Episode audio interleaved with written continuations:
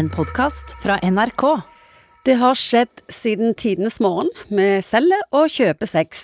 Du tror kanskje ikke du har en venn som kjøper sex, men sjansen er faktisk ganske stor for at du har det. Men få, eller ingen, vil jo innrømme dette. Egon Hagen, la oss snakke om menn som kjøper sex. De er mange, og de fins over hele verden. Hva skal vi tenke om dette?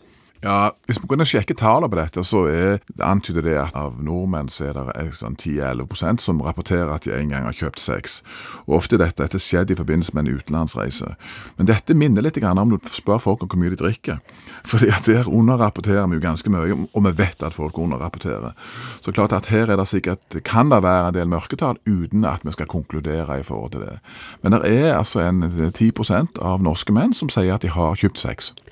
Og det er verdens eldste yrke. Det er en del av eh, menneskeheten eh, å prostituere seg.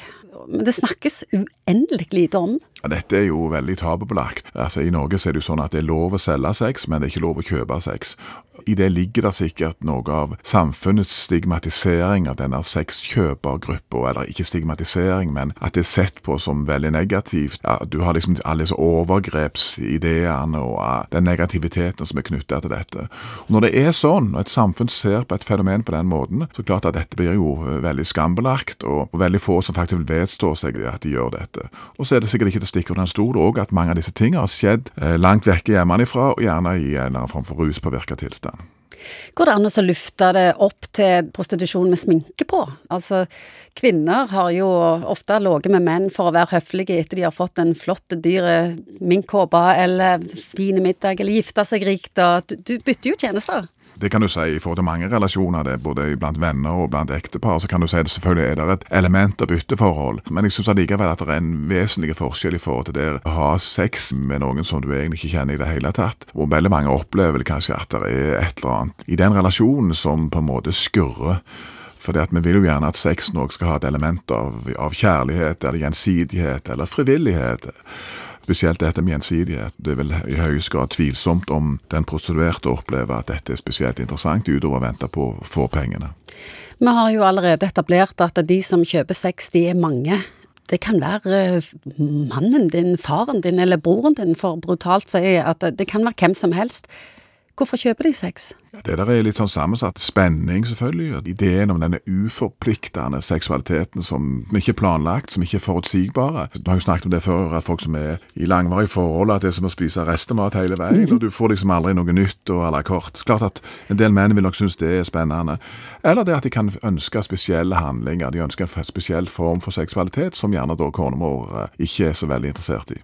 Kan vi forstå det litt? Altså, hvis en mann ikke har drag over hodet og aldri har hatt sex. Er det greit da at han får testa det ut litt? Ja, Jeg skal ikke mene noe annet enn det som lovverket sier. Det er forbudt i Norge, og da forholder vi oss til det.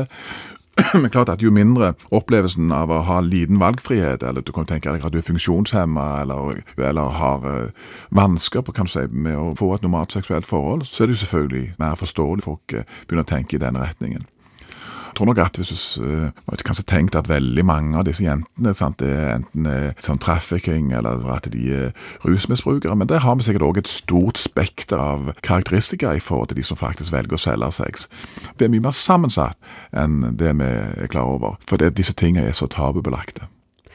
Betyr det at uh, prostitusjon og kjøp av sex kommer til å fortsette i like stor grad i tiden framover, tror du? Ja, altså Hvis du ser på nasjonale forskjeller, så nå så jeg en oversikt som viste at uh, litt syd i Europa, spanjolene, der er det veldig mange flere som oppgir at de har kjøpt uh, sex. Så dette handler nok òg litt om forholdet mellom menn og kvinner, altså likestilling, sånn grunnleggende verdiforankring i samfunnet. Hvis verden går i en riktig retning i forhold til likestilling og mer eh, jeg, respekt mellom kjønnene, så, så, så kan det være at vi ser at noe av dette går ned. Men, men at dette skal forsvinne, det har jeg jo ingen tro på. Du har hørt en podkast fra NRK. Hør flere podkaster og din NRK-kanal i appen NRK Radio.